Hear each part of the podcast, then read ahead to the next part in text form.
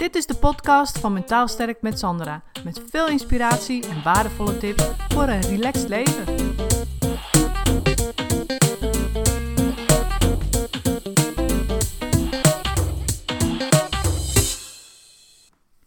Hey, Sandra hier. Leuk dat je weer luistert. En vandaag wil ik het eigenlijk over jouw verhaal hebben. Want ik zat gisteren zat ik, uh, zat ik Dr. Phil te kijken. En uh, daar, uh, dat ging over een Amerikaans popster. En die heette, die heette Demi Lavito. Die ken ik ook niet. Maar in ieder geval, zij was jarenlang drugs, verslaafd en aan de drank verslaafd. En nou, zij was afgekikt. En ja, goed, het ging hartstikke goed met haar. En wat ze deed was wel heel bijzonder. Want zij had dus... Um, voordat ze dus, was op een concerttour en voor elk concert wat ze gaf, deed ze een bijeenkomst met, ja, een gedeelte van haar fans.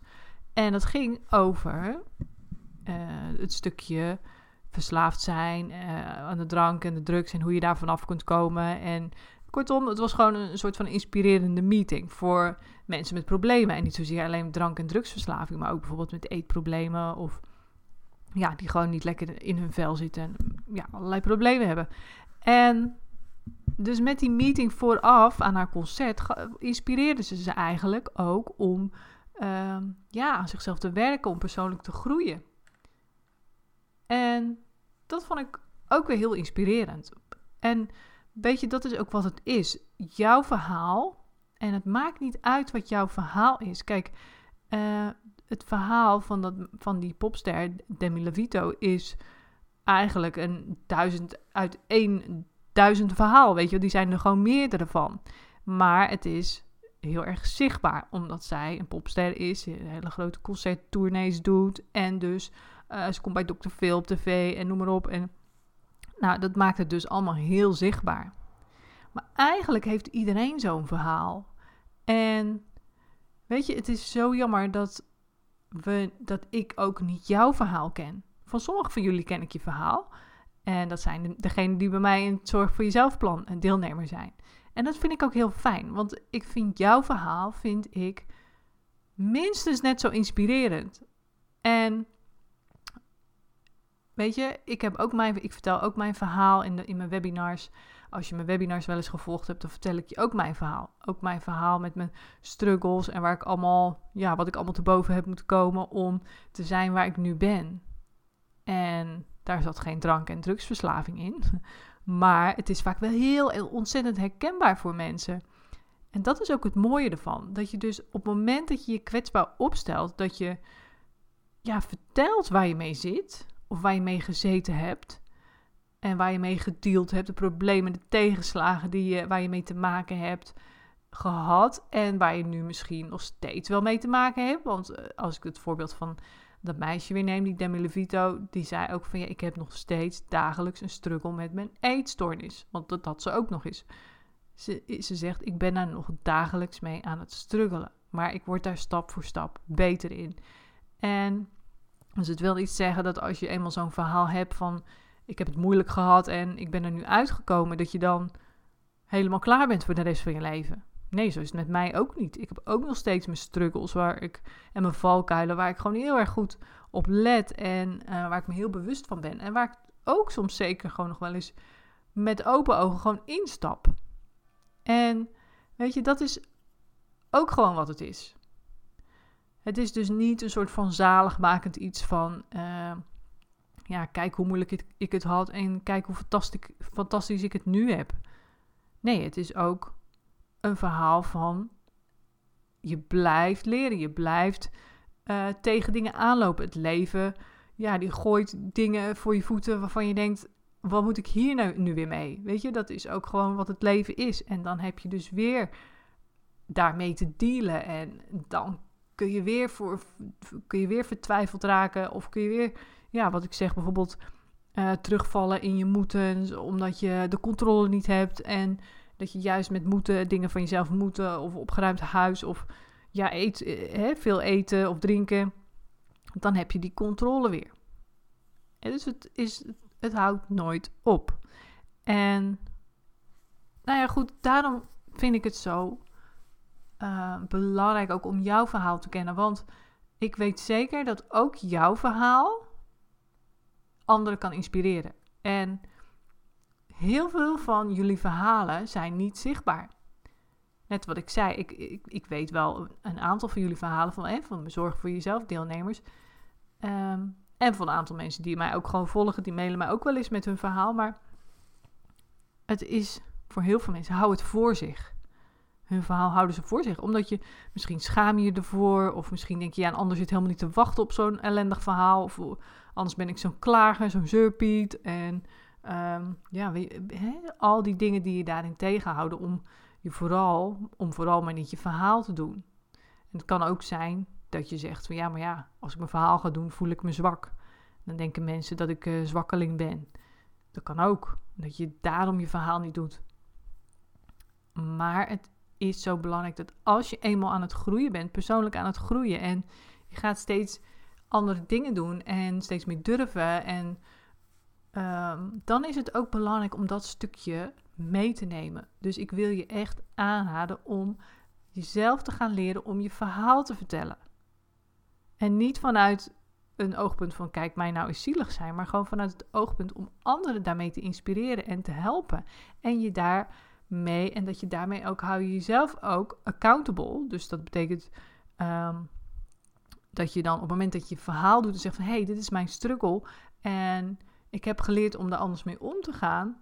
Maar ja, soms heb ik er nog wel eens last van. En als er iets gebeurt, iets onverwachts gebeurt, dan heb ik daar nog steeds mee te dealen. Dan weten anderen dat. En dan kunnen ze daarna vragen. En dan kun je dus zeggen: Oké, ik heb er dit en dit aan gedaan. Dat houdt je een soort van accountable. Weet je, dat je dan. Um, ja, ik ken er ook geen Nederlands woord voor eigenlijk. Maar dat je dan. Ehm, nou, niet verantwoord, maar dat je. Dat je ehm, ermee bezig blijft. Omdat je weet dat anderen het ook weten en daar dus naar zullen vragen. En natuurlijk moet je het vanuit de eerste instantie gewoon vanuit jezelf, vanuit je eigen gevoel doen van hé, hey, ik wil hier aan werken en ik wil hier iets mee. En het niet uh, doen voor een ander. Maar het kan ontzettend helpen vanuit een steunend oogpunt, bedoel ik. En niet zozeer vanuit een controlerend oogpunt. Dus dat is ook het mooie ervan. dat je daar eigenlijk gewoon veel meer steun door krijgt. En het is uh, gewoon, jouw verhaal is minstens net zo inspirerend als het verhaal van Demi Levito of mijn verhaal of ja, wie zijn verhaal dan ook. Weet je, die, van, die in um, die online zichtbaar zijn of die als popster of als bekende Nederlander of wie dan ook uh, in de schijnwerper staan. Weet je, we denken altijd van, oh ja, omdat die in de schijnwerper staat, is dat verhaal heel bijzonder of zo. Maar ja, misschien is het ook wel gewoon eenzelfde soort verhaal als wat jij hebt. En dat maakt het, omdat diegene in de schijnwerper staat, maakt het jouw verhaal niet minder bijzonder. Maar die neiging hebben we natuurlijk wel om zo te gaan denken. Terwijl dat dus helemaal niet zo is. Jouw verhaal kan net zo goed ontzettend inspirerend zijn voor anderen. Stel dat je jarenlang gestrukkeld hebt met de depressie en je hebt nu eindelijk uh, heb je in de gaten hoe je daarmee om kan gaan. Of je hebt je, je, werk omgegooid. Of je bent verhuisd. Of he, iets gedaan. Wat, een keuze gemaakt wat voor jezelf werkte. En waardoor je nu anders in het leven staat. Of anders met die depressie om kan gaan. Of weet je, misschien heb je wel jarenlang uh, gezocht naar wat is er toch met me. In die zin van dat ik. Uh, ja, altijd maar doorga of zo chaotisch ben en ik krijg de dingen maar niet op een rijtje. En misschien heb je wel pas de diagnose gekregen, nou je hebt ADHD of ADD. En heb je jarenlang gezocht naar van, ja, waarom zit ik toch zo in elkaar? Of misschien ben je wel op veel latere leeftijd erachter gekomen dat je bijvoorbeeld hooggevoelig bent. Dat heb, dat heb ik zelf ook pas op latere leeftijd ontdekt. En toen vielen er voor mij ontzettend veel puzzelstukjes op zijn plaats.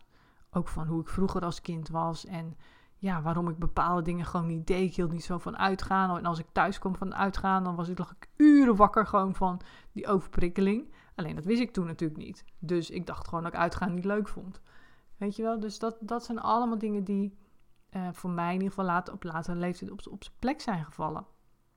En dat had mij, als ik eerlijk ben, enorm geholpen als ik een verhaal van iemand had gehoord die dat ook had meegemaakt. Maar dan, ja, veel eerder. Was leuk geweest als ik dat veel eerder had gehoord. Weet je wel? Dan had ik veel eerder dingen kunnen herkennen. En ja, dan had ik dus al veel eerder anders in het leven gestaan wat dat betreft. Had ik al andere keuzes kunnen maken. Dus ook daarom is het zo belangrijk. Jouw verhaal komt eigenlijk al altijd te laat, weet je wel? Dus je kunt er nooit vroeg genoeg mee komen met dat verhaal. Wacht niet tot je verhaal af is of tot, tot je denkt, nou, ik mag nog even met mijn verhaal vertellen tot ik echt helemaal beter ben of weer aan het werk ben. Of nee, weet je, begin er gewoon nu mee, want het is zo belangrijk ook om anderen daarmee te inspireren. En voor jezelf geeft het je ontzettend veel steun van anderen die dus dingen in jouw verhaal gaan herkennen. En dan voel je je niet alleen. En dat is zo ontzettend fijn. Plus dat je dat stukje kracht van de verbinding gaat voelen. Dus mensen gaan zich verbonden met je voelen. En dat gebeurt er als je je kwetsbaar opstelt. Dat is ook zo mooi. En zo zonde om ook die ervaring te laten liggen. En ook gewoon omdat jouw verhaal er ook mag zijn. En dus een enorme inspiratiebron voor een ander kan zijn. En daarom wil ik je simpelweg uitnodigen om ook jouw verhaal te doen. En dan denk je, ja, maar Sandra, hoe dan? Ik heb geen website, al die dingen. Nee, je kan je verhaal bij mij vertellen. En we kunnen dat op verschillende manieren doen. Je kunt, kunnen daar een podcast van maken, we kunnen daar een video van maken, we kunnen daar een e-mail of een uh, blog van maken. Dat maakt niet uit, zoals jij het wil. Maar als jij wil dat je verhaal in de wereld wordt gezet, dan kan dat natuurlijk via mijn website, via mijn uh, online bedrijf. Dus ik hoop dat je dat gaat doen. Want je kunt hiermee anderen inspireren en ervoor zorgen dat anderen stappen gaan nemen die ze anders misschien helemaal niet hadden genomen als ze jouw verhaal niet hadden gehoord. Dus wees inspirerend voor anderen en jouw verhaal is minstens net zo inspirerend als het verhaal van een bekende Nederlander, popster of wie dan ook. Dus ik hoop dat je deze uitnodiging aanneemt en dat je mij je verhaal mailt.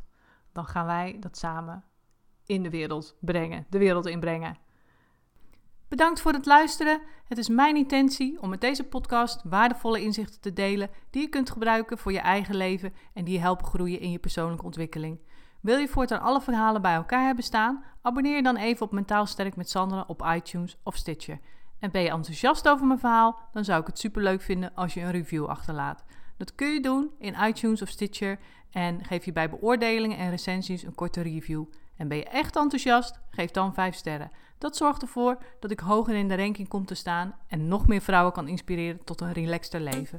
Mijn dank is groot als je dat even voor me wilt doen. Tot de volgende keer bij een nieuwe uitzending.